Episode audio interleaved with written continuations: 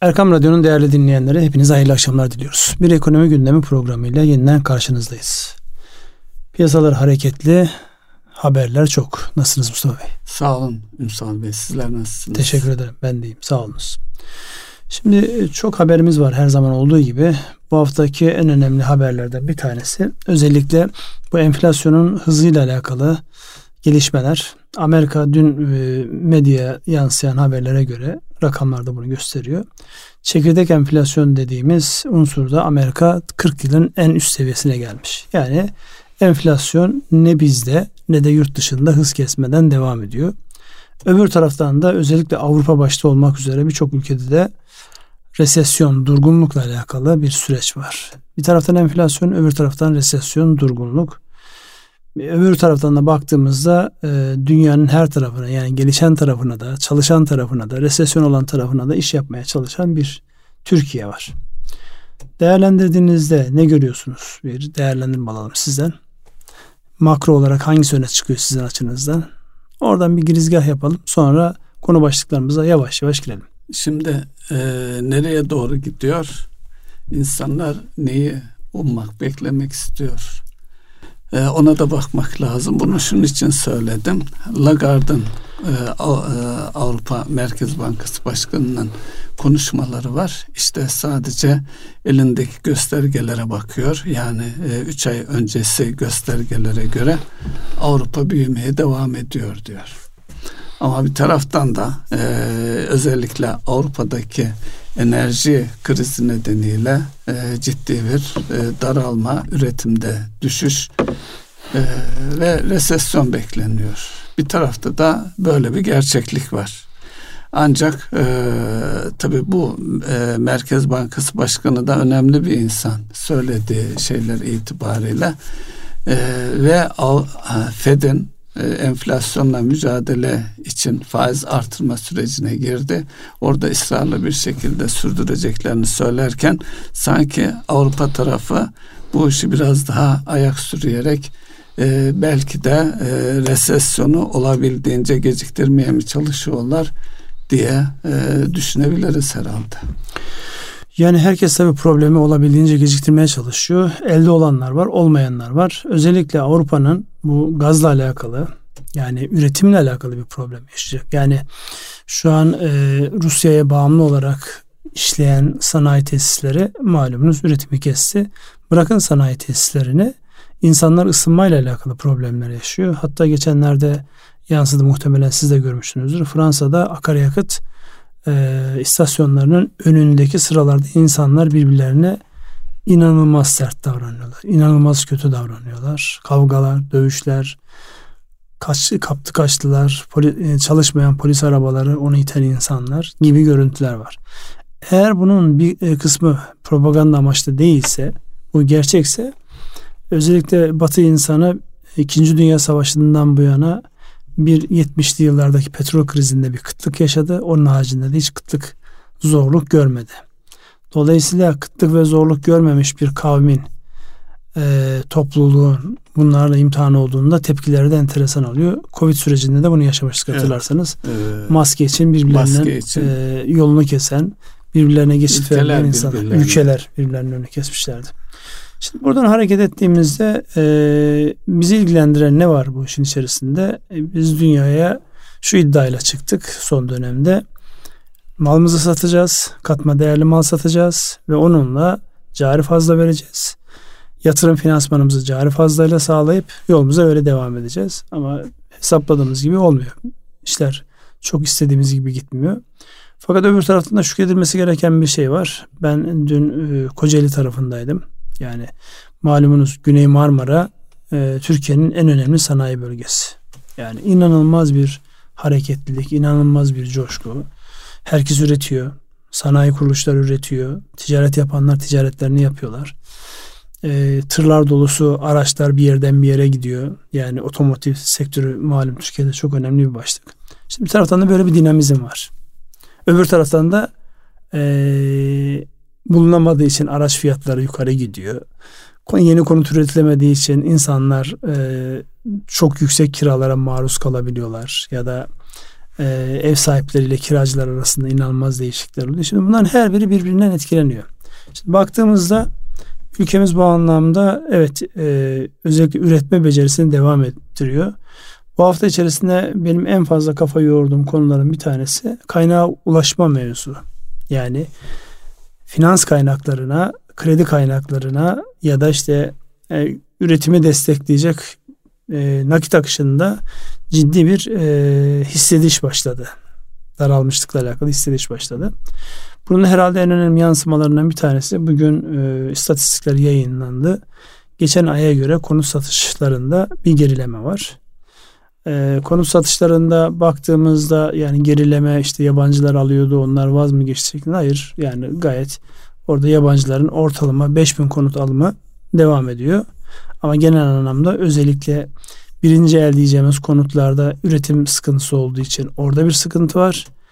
Ee, ikinci elde de fiyatlar çok yukarı gitmiş vaziyette. Özellikle e, düşük gelirli olan insanların, belli bir gelirin altında olan insanların ev alma şansları yok. Aynı insanların kirada oturma şansları da yok şimdi enteresan tarafı. Yani şu an geçen sene 3 bin lira olan kiraların 12, 13, 15 bin liraya çıktığını duyunca yani bir bir tarafa doğru evriliyoruz. O evrildiğimiz tarafı isterseniz siz bir değinin bu konut e, satışlarıyla da ilintili olarak. E, konut üreten bir firmanın genel müdürüyle dün görüştüm. E, hem onların e, ne durumda olduğu hem piyasa nasıl diye. Şimdi e, özellikle Türk lira kredilerle yani ipotekli satışlar banka tarafı zaten çok düşük seviyelerde. Yani istatistikten bakacak olursak 16.970 konut satılmış banka kredisiyle zaten 10 e, milyonun üzerindeki e, konutlara kredi verilmiyor e, biliyorsunuz. Altındakilerinde cüzi bir miktar. Evet çok düşük miktar yani o parayla konut almak mümkün değil. Şimdi e, hal böyleyken e, son e, ayda özellikle konut satışlarında e, ciddi düşüşler olduğunu, satamadıklarını söylüyorlar. Geçen ay yabancılara satışın ilgisini sürdürdüğünü ama bu ay e, yabancıların da azaldığını e, söylüyorlar. Çünkü e, bizim Türkiye'de olduğu gibi e, diğer çevre ülkelerde de okullar açıldı. Doğal olarak insanlar tatilinden e, ülkesine döndü. Yani e, azalmaya yabancı ilgisine ona bağlıyorlar. Ee, ve bu e, satamamazlığında şöyle bir sonucu bir taraftan da enflasyon nedeniyle e, özellikle inşaat malzemelerinde çok ciddi artışlar var.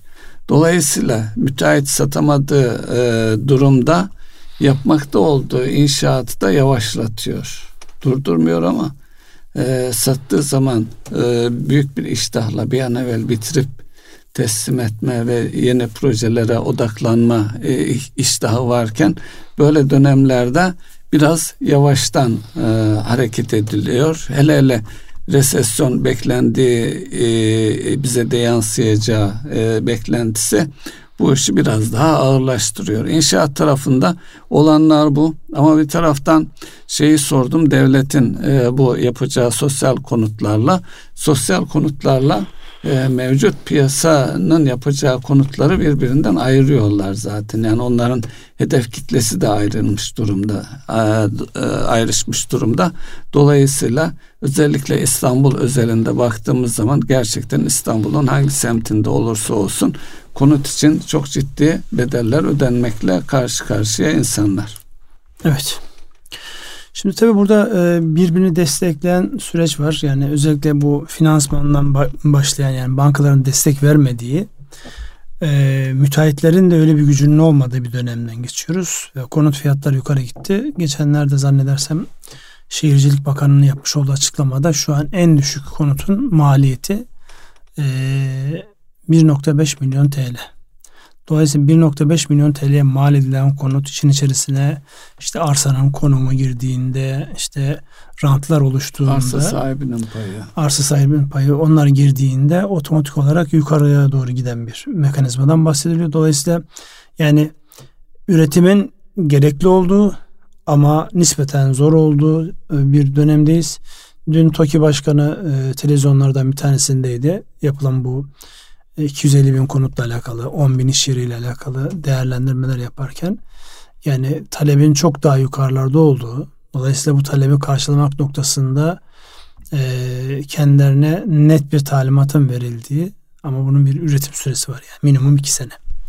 İki sene içerisinde insanların talepleri biraz e, dediğim gibi alışık olduğumuzun dışında bir dönem yaşayacağız. Bu arada e, farklı bir konuya geçelim yine Bu krediye erişimi biraz daha Şimdi kredi erişim noktasında şöyle bir e, sıkıntı var. Malumunuz e, biz 2018'den bu yana yurt dışı bağlantılı çok fazla kaynak gelmiyor. Tam tersine hem portföy yatırımlarında hem e, yeni sendikasyonlarda ya da uzun vadeli krediler noktasında devletin borçlanması hariç çok özel sektörün borçlarında, borçlanma imkanlarında bir artış yok. Çünkü maliyetler artıyor. Ötesinde de ülkeye yatırım yapılabilir konumda olmadığı için burada bir kaynak girişi yok. Tam tersine özellikle portföy yatırımı dediğimiz hisse senedi ve devlet tahvillerine olan ilgide azalma var. İki haftada bile e, yani senenin başın, ayın başından beri baktığımızda e, yaklaşık 809 milyon dolarlık satış, net satış olmuş ve insanlar çekilmişler. Böyle bir dönemde yurt dışından kaynak gelmeyeceğine göre 2018'den beri bizim yaptığımız nedir? Merkez Bankası bilançosunu büyüterek kaynak oluşturmak. Yani Merkez Bankası'nın piyasa ifadesiyle daha doğrusu sokak ifadesiyle para basarak emisyonu arttırarak sağlamış olduğu, oluşturmuş olduğu bir kaynak var. Bu ilk nereye gitti? E, 2018'de hatırlarsanız o e, kur e, atağı olduğunda, ani bir yükselme olduğunda, piyasalarda bir kilitlenme olduğunda kamu bankaları üzerinden, kredi garanti fonu üzerinden insanlara, işletmelere bir kaynak sağlandı. Orada bir kısmi rahatlama oldu. Hatta e, o dönemi hatırlarsanız e, çok uygun fiyatlarla krediler yapılandırıldı. Uzun vadeye yayıldı. İşte normalde e, geciktiği için takibe gitmesi gereken kredilerle alakalı hem BDDK düzenlemelerinde hem e, banka bilançolarıyla alakalı enteresan e, yani o dönemin gereği olan lüzumlu olan adımlar atıldı. O bir kere e, zaten şu anki çekmiş olduğumuz sıkıntılardan bir kısmı ihtiyaca binaen o yapıldı ama bir kısmı da o paraların e, dövize gitti. Dövize gittiği için zaten kontrol oradan sonra farklı bir boyut kazandı. E, ara ara e, müdahalelerle o düzeltilmeye çalışıldı. Gerçek olan şu an karşımızda olan hadise nedir? E, daha fazla Merkez Bankası kaynaklarıyla fon oluşturulamıyor. Ya da hükümet istemiyor bunu. Çünkü burada fon oluşturduğunuzda o üretime mi gidecek? Yine dövize mi gidecek? O bilinmiyor. Dolayısıyla o denklemi sağlayabilmek için tedbirler alındı. Yani Aralık'tan bu yana BDDK'nın ve ilgili düzenlemelerin 200'e yakın düzenleme yapılmış. Yani bir tarafı bir düzenleme yapıyor. Orada bir arıza çıkıyor, ötekisini düzenliyor. Oradan başka bir şey çıkıyor. Dolayısıyla kolay bir dönem değil. Çünkü piyasadaki insanlar çıkarını maksimize etmeye çalışıyor. Yani o insanların re, rasyonel hareket ettiği ile alakalı meşhur teoriler var ya. Yani o teorilere uyar uymaz o tarafını bilmem ama bizim insanımız acayip kendi çıkarının e, bulur. O işleyecek noktayı keşfeder ve oradan yürür. Dolayısıyla bu da e, fazlasıyla e, hukukçu ifadesiyle kazüstik yöntemle, delik tıkama yöntemiyle düzenlemeleri getirir. Siz bir deliği tıkarsanız yeni bir delik açılır. Ya da daha önceden tıkadığınızı zannettiğiniz bir delik karşınıza daha bir büyümüş olarak gelir. Böyle enteresan bir e, süreçten geçiyoruz. E, kaynak tek kaynak noktası Merkez Bankası kaynaklar olunca ki bunun da enflasyon olan etkisi herkes tarafından malum. Çünkü insanların eline para geçince zam yapınca ne yapıyor? Ötelenmiş ihtiyaçlarını karşılıyor. O da piyasaya bir yeni likitte sağlıyor. O likitte tekrar fiyatların yukarı gitmesini sağlıyor. Birbirine böyle bağlı bir vaziyette geliyor. Peki 100 milyarlık e, esnafa yönelik KGF ile ilgili ne dersiniz? O yukarı doğru COBİ'lere de bir e, rahatlama sağlar mı? Şimdi bir rahatlama sağlar. Fakat dediğim gibi yani 100 milyar şu an Türkiye ekonomisi içerisinde önemli bir rakam fakat çok büyük bir rakam değil. Yani bir de oranların yüzde 7.5'ti yanlış hatırlamıyorsam. Yani uygulanacak olan finansman maliyeti 7.5'ler seviyesindeydi. Dolayısıyla herkes bu kaynağa ulaşmak isteyecek. Ama Türkiye ölçeğini düşündüğünde bu mesela bundan 10 sene önce, 20 sene önce çok anlam ifade ederdi. Zaten 20 sene önce ekonominin büyüklüğü yani 200 milyar ee, yani, e, evet. dolar seviyesindeydi. Dolayısıyla 100 milyar TL buradan baktığınızda 5 e, milyar dolar demek. Yani 5 milyar dolarla siz e, piyasayı istediğiniz tarafa evirebilir misiniz? Can suyu olur. Bir hareketlenme olur. Zaten hatırlarsanız geçen hafta konuşmamızda özellikle seçim sattım haline girildiğinde piyasayı rahatlatacak bir e, açılım olacaktır. Kamu bankaları ağırlıklı olacaktır. 100 milyar onu biraz sanki öne çekti gibi. Bir öne çekilmiş bir e, şey oluşturuldu orada. Dolayısıyla e, bundan sonra da devam edecektir. Ama yani mutlak bir rahatlama mı? Bence e, hükümetin oradaki temel amacı çarkların dönmesini sağlamak. Enflasyonu hızlı bir şekilde düşürmekten ziyade istihdamı ve çarkın dönmesini sağlayacak adımlarda adımlar atıyorlar. Bundan sonra da atmaya devam edecekler gözüküyor. Peki şimdi firmalar açısından baktığımız zaman banka kaynağı dışında da ulaşılabilecek finansman kaynakları konusunda neler yapılabilir? Ee, özellikle e, firmaların kendi çıkartacakları yani özel sektör bonoları, halka açılma borsa yoluyla e, işte kitlesel fonlama söz konusu olmuştu bir ara mevzuatı da çıktı e, ne şekilde ilerlemeler var denemeler var ama e, dolayısıyla bunların hepsini bir düşünürsek e, geçen hafta açıklanan e, katılım finansmanıyla ilgili strateji belgesini de e, e, değerlendirirsek ki orada değin, değinmeler vardı yani e, özellikle finansman konusundaki İslami metotlara göre geliştirilecek ürünlerle ilgili e, ipuçları vardı, tanımlamalar vardı.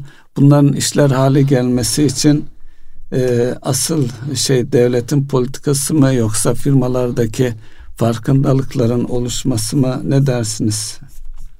Şimdi zor ve tehlikeli bir alandan soru sordun. Şimdi oraya dilimizin döndüğünce cevaplamaya çalışacağım. Birinci kısım özellikle bu son dönemde e, firmalar nereye yöneliyor sorusunun cevabı olarak açıkçası bankacılık sisteminden alınacak kaynak daraldığı için buradaki yönelilen yer işte dış finansman yani yurt dışına belli bir miktarda hisse satma çalışmaları e, ya da halka arzlarla borsadan e, kaynak elde etmek.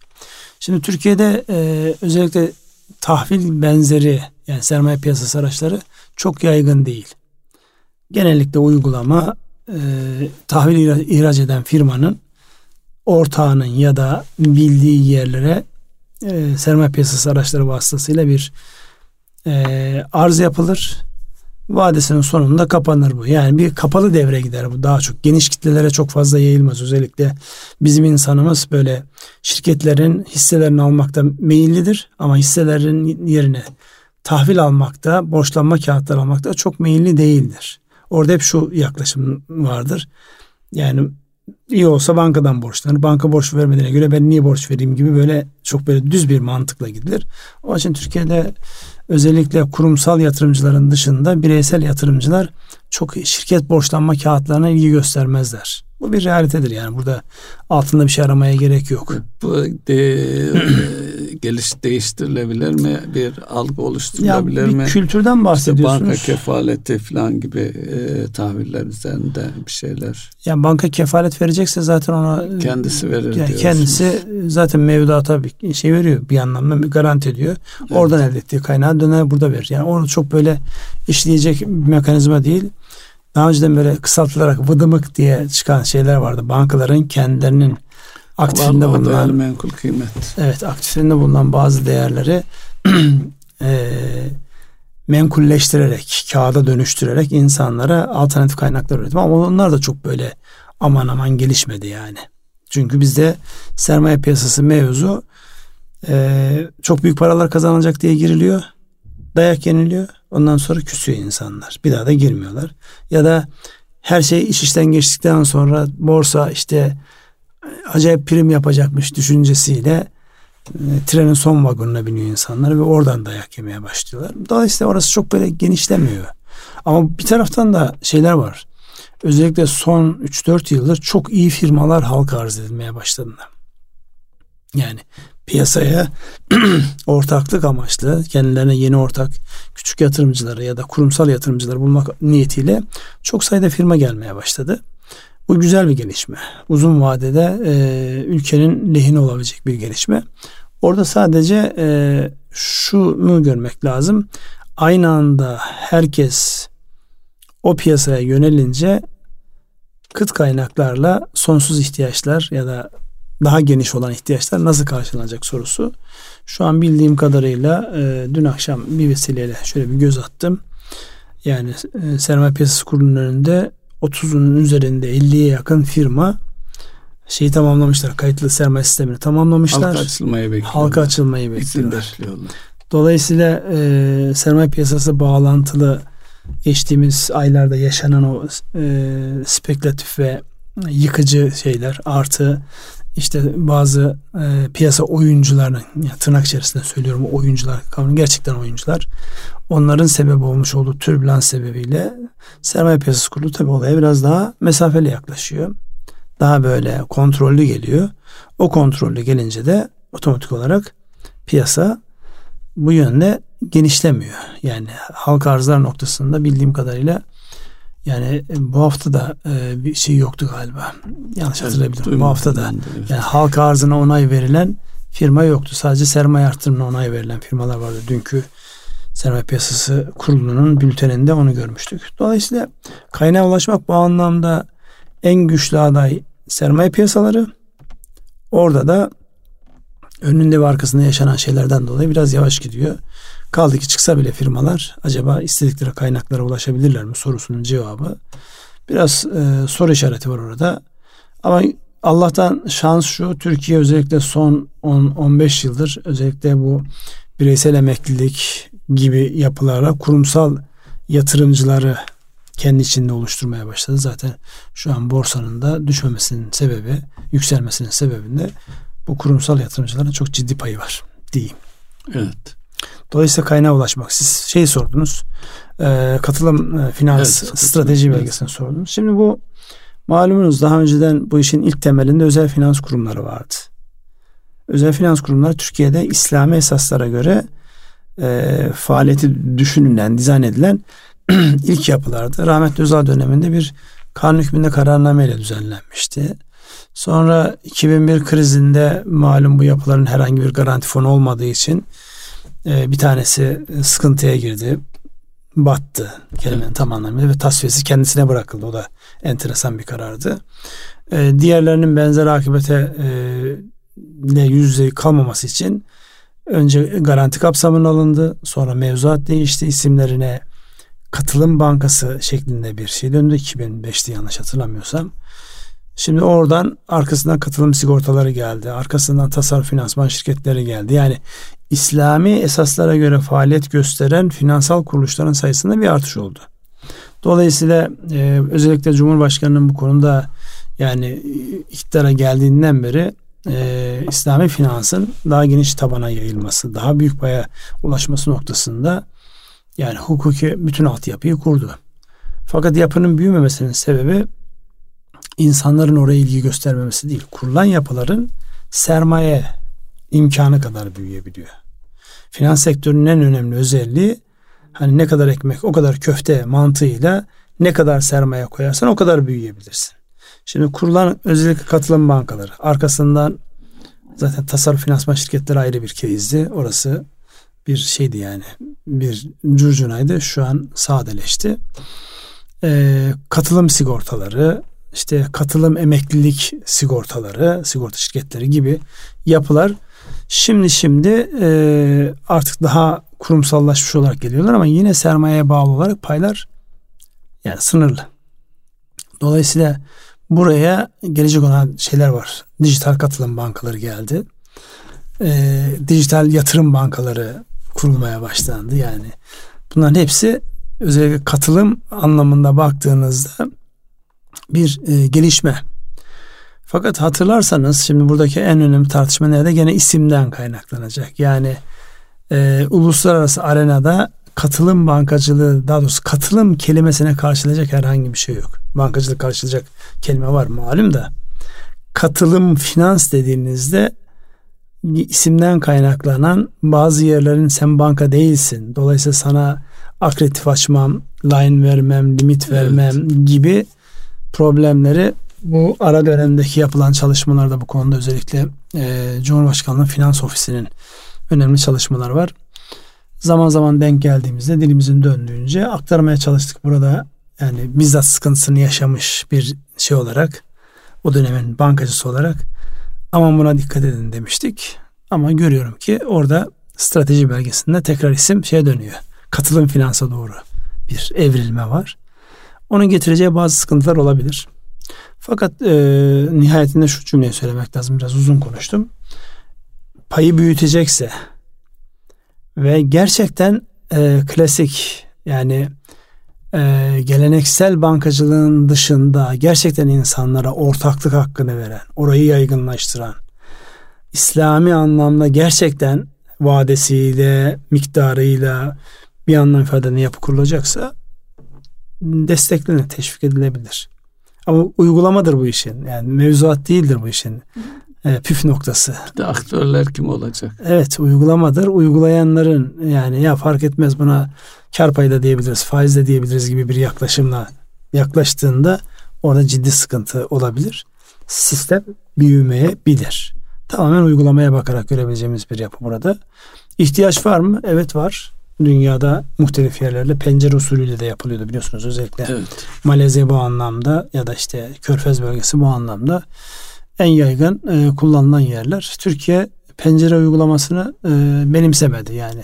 Sigorta da bir arada vardı. Sigortayı da yasaklandı.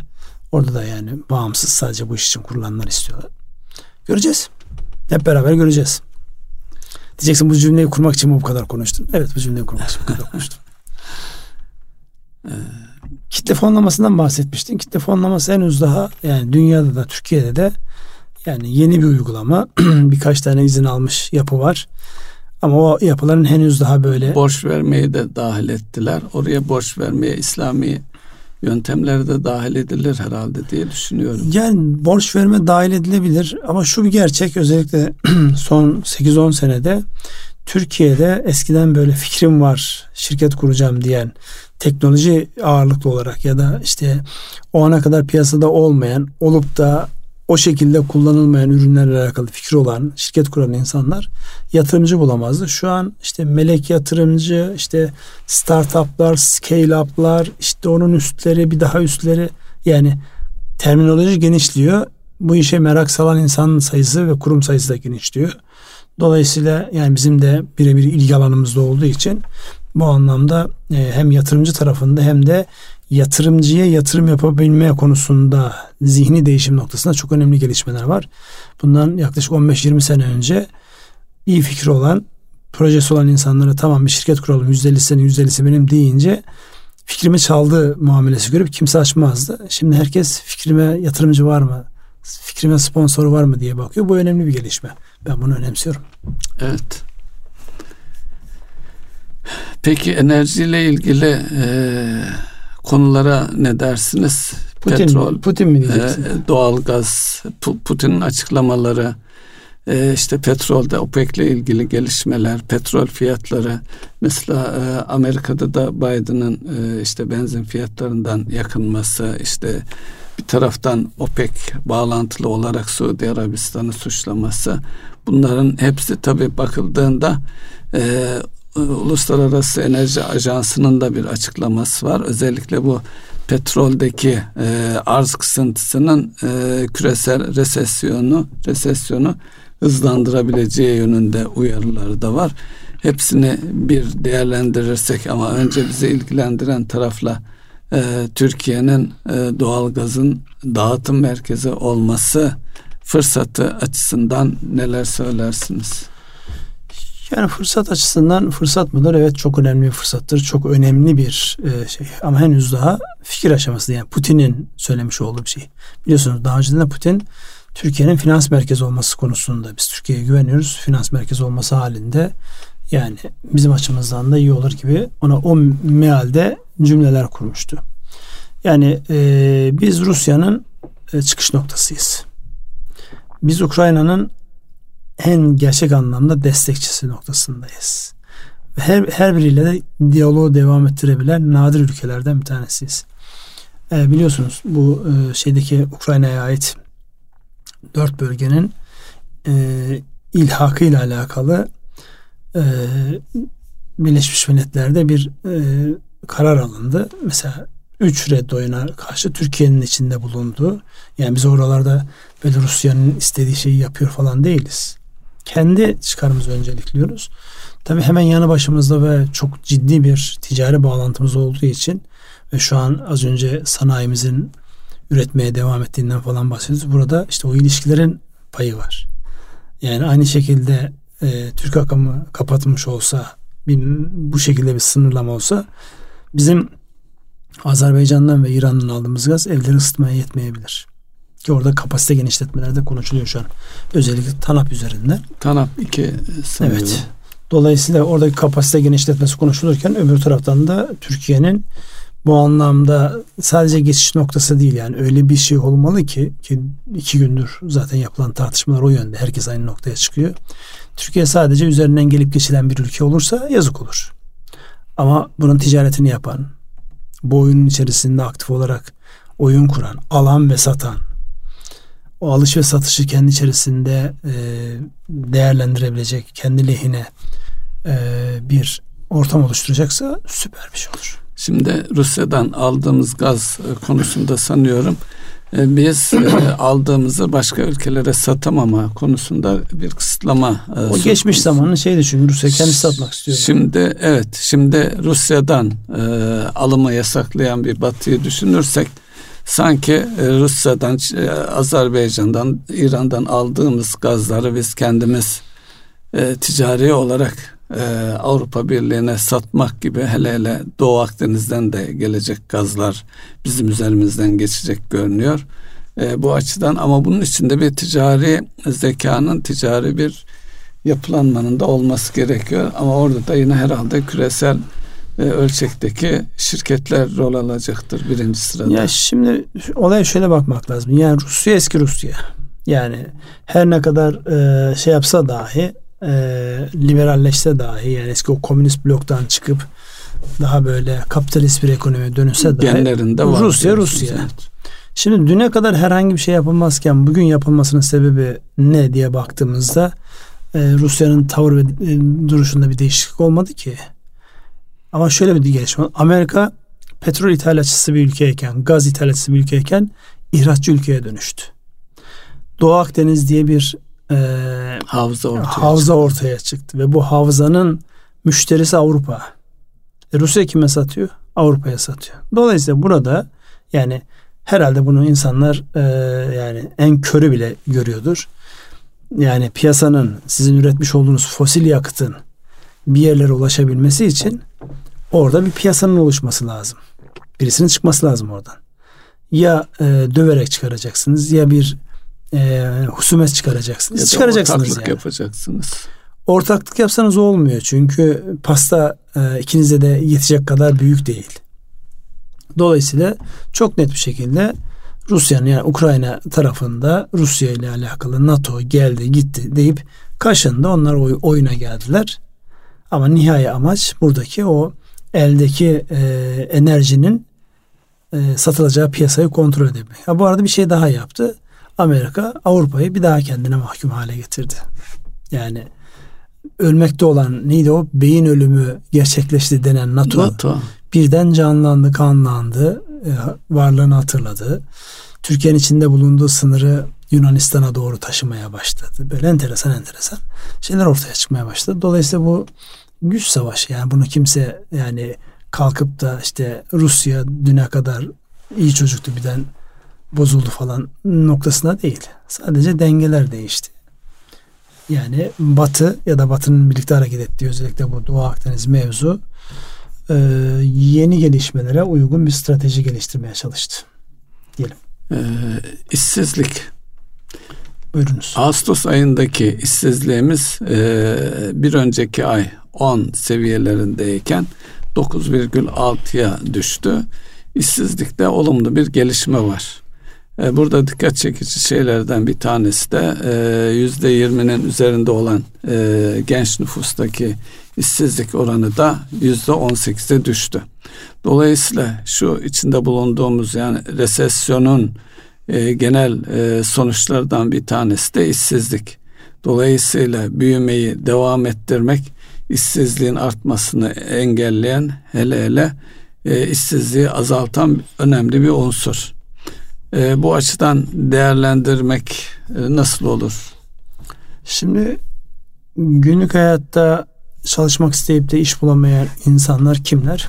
Üniversitelerden mezun olup yani e, mezun olduğu branşa göre iş arayan insanların dışında bir taraftan özellikle sanayi, ara eleman, evlerde işte yardımcı eleman gibi konularda Türkiye ciddi bir sıkıntının içerisinde şu an. Yani insanda kiminle karşılaşıyorsanız yardımcı eleman bulamıyor, ara eleman bulamıyor.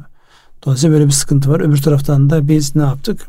Ee, teknik liseleri, meslek liselerini kapatarak problemi daha eğitilmesi zor olan bir alana taşıdık. Yani üniversite tarafına taşıdık. Yani sanayicinin ihtiyacı olan şimdi o ara eleman lafı rahatsız edici bir laf ama şu an artık ara eleman olmaktan çıktılar. Ana eleman haline geldi. Ekonomiye katılma süresini de geciktirdik. Ekonomiye katılma süresini geciktirdik. 18 yaş yerine, Yeteneğin gelişmesini evet, 25 yaşa 23 yaşa gitti. Dolayısıyla buradaki bir e, sıkıntı var ama şu bir gerçek şu an Türkiye'de özellikle istihdam için insan bulmakta çok zorlanılıyor. Yani bizim uğraştığımız konulardan bir tanesini herkes dış ticarete yönelince dış ticaret elemanı bulunmuyor. Herkes yazılımcıya, nitelikli yazılımcıya yönelince yazılımcı bulunamıyor. Daha önceden kendi kaynağımız biraz biraz kendimize yetmeye başladı. Şimdi yabancılar bizim bu kaynaklara sarkmaya başladılar. Şimdi yapay zeka, e, analitik o konularda e, elemanlar aranıyor. 3 e, yıllık tecrübesi olan insanlar e, 40 bin lira aylık ücret e, talep ediyorlar. Müdür Bunu özellikle var. söylüyorum ki gençlerimizin ilgisi art, artsın. Yani bu da bu konularda yetenek kazanılması e, o kadar zor işler değil yani. Bir de şimdi teknoloji zaten kullanıyorlar. Yani eskiden teknoloji kullananlarla diğerleri çok kopuk. Şu an ortalama teknoloji kullanmayan insan kalmadı. Biraz bu işe daha merak saracaklar. Geçenlerde Milli Eğitim Bakanlığı'yla işte yapılan bir çalıştaydı. Özellikle bu meslek edindirme merkezleriyle alakalı farklı şeylerde her 6 ayda bir bir modül öğrenebilme şey var, potansiyeli var. Dolayısıyla ihtisas anlamında böyle iki yılda dört modül neyse artık hangi alana merak saracaksanız dört modülü geliştirme şansı var. Onun için ister üniversite bitirsin ister bitirmesin mesleğini değiştirmek isteyen insanlar için de tarihi bir şans var aslında burada. Sadece isteyecek ve biraz riske edecek kendini. Konforu bozacak. Çalışacak, Türkçesi. çalışacak. Konforu çalışacak. bozacak Türkçesi o. Evet. Onu yapabilirse e, o konudaki işsizlikle evet. alakalı şey yakalanabilir. Evet. Burada e, siz onu söyleyeceksiniz diye bekliyorum ama söylemediniz. Merkez Bankası beklenti anketi yayınlandı malumunuz. Şimdi oraya baktığımızda yıl sonu e, enflasyon beklentisi 67.7'den yani bir e, kalem yukarı gitmiş. Dolayısıyla enflasyondaki beklenti 3 aşağı 5 yukarı olmuş. Yıl sonunda kur beklentisiyle alakalı e, baktığımızda 19.82 gibi bir anketin sonucundan bahsediyorum. Bir rakama çıkmış. 2023'ün e, sonundaki 22.07 olan beklentide e, yani 12 ay sonrası 23.61'e yükseltilmiş. Bu konuda siz biraz yorum yapın isterseniz. Ee, şimdi e, eğer e, planlandığı gibi gitmiş olsaydı yani cari açık üzerine e, cari fazla veren bir ülke olarak e, ekonomide özellikle turizmde bir takım gelişmeler olsa ki oldu ama beklenmeyen şey de enerji fiyatları ve e, şeyde e, Ukrayna'ya Rusya'nın saldırması e, dengeleri bozdu. Dolayısıyla e, ilk baştaki e, planlar e, hatırlarsanız yıl sonu ilk e, geçen seneki Aralık'ta yaşanan kur atağından sonraki e, öngörüler e, bu seviyeyi öngörmüyordu. Hatta en e, kötümser beklentiler e, Türkiye ile ilgili enflasyon noktasında yüzde altmışlarda ve hiç e, yüzde altmış olur mu gerçekten diye insanlar ihtiyatlı e, hareket ediyordu.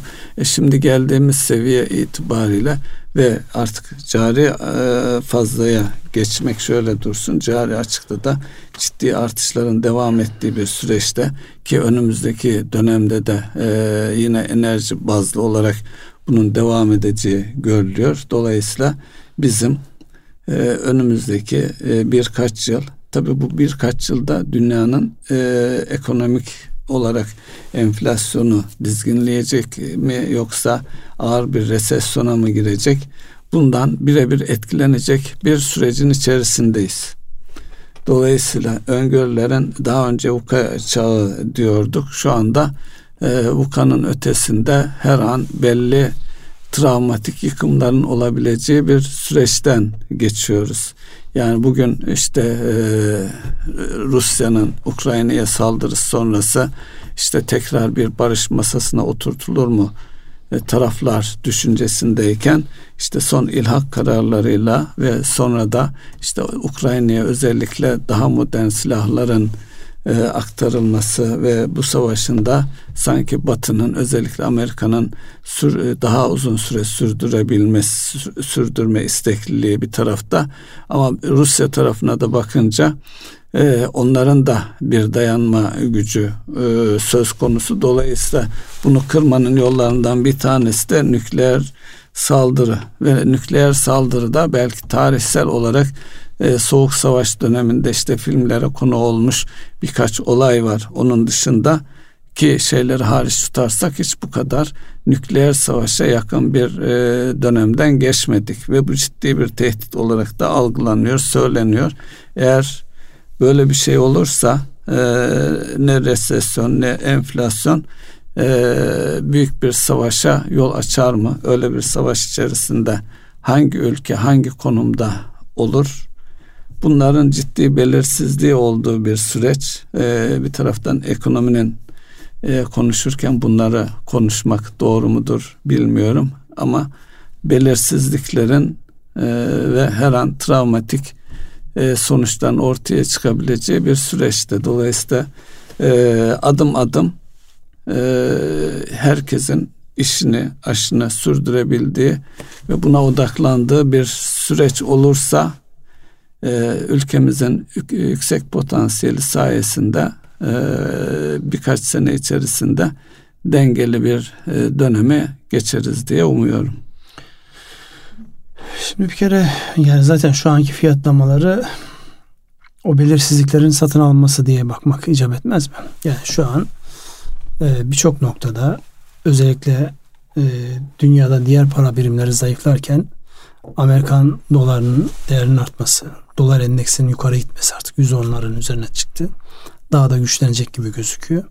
Şimdi oradaki gelişmelerin hepsi bu belirsizliklerin satın alması. Niye?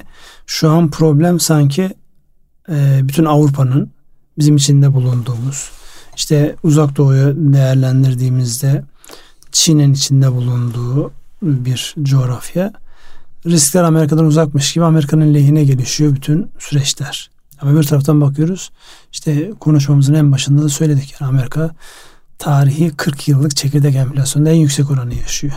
Ve oradaki insanların mutsuz olması yani saatlik ücretle çalışan bir ülke açısından her şeyin böyle taneyle hesap edildiği bir ülke açısından baktığınızda bunların psikolojik yönetilmesi nispeten daha zor. Yani e, kimse istemez bir nükleer savaşı ya da dünyanın geneline yayacak olanı.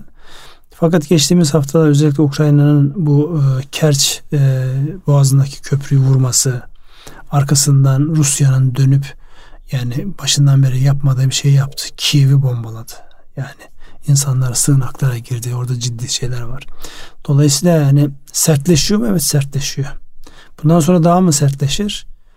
Yani akıl daha çok sertleşmemesini tavsiye eder. Çünkü olan yani enteresandır. Batı dünyayı yönetiyor. Fakat bugüne kadar iki dünya savaşı da Avrupa'da oldu. Evet. Yani nasıl bir yönetmekse yani e, en büyük acılar kendilerinde patladı. Dolayısıyla burada özellikle Rusya'yı, Rusya'nın arkasında Çin'i disiplin etme e, merakının patladığı yer gene Avrupa'nın göbeği oldu.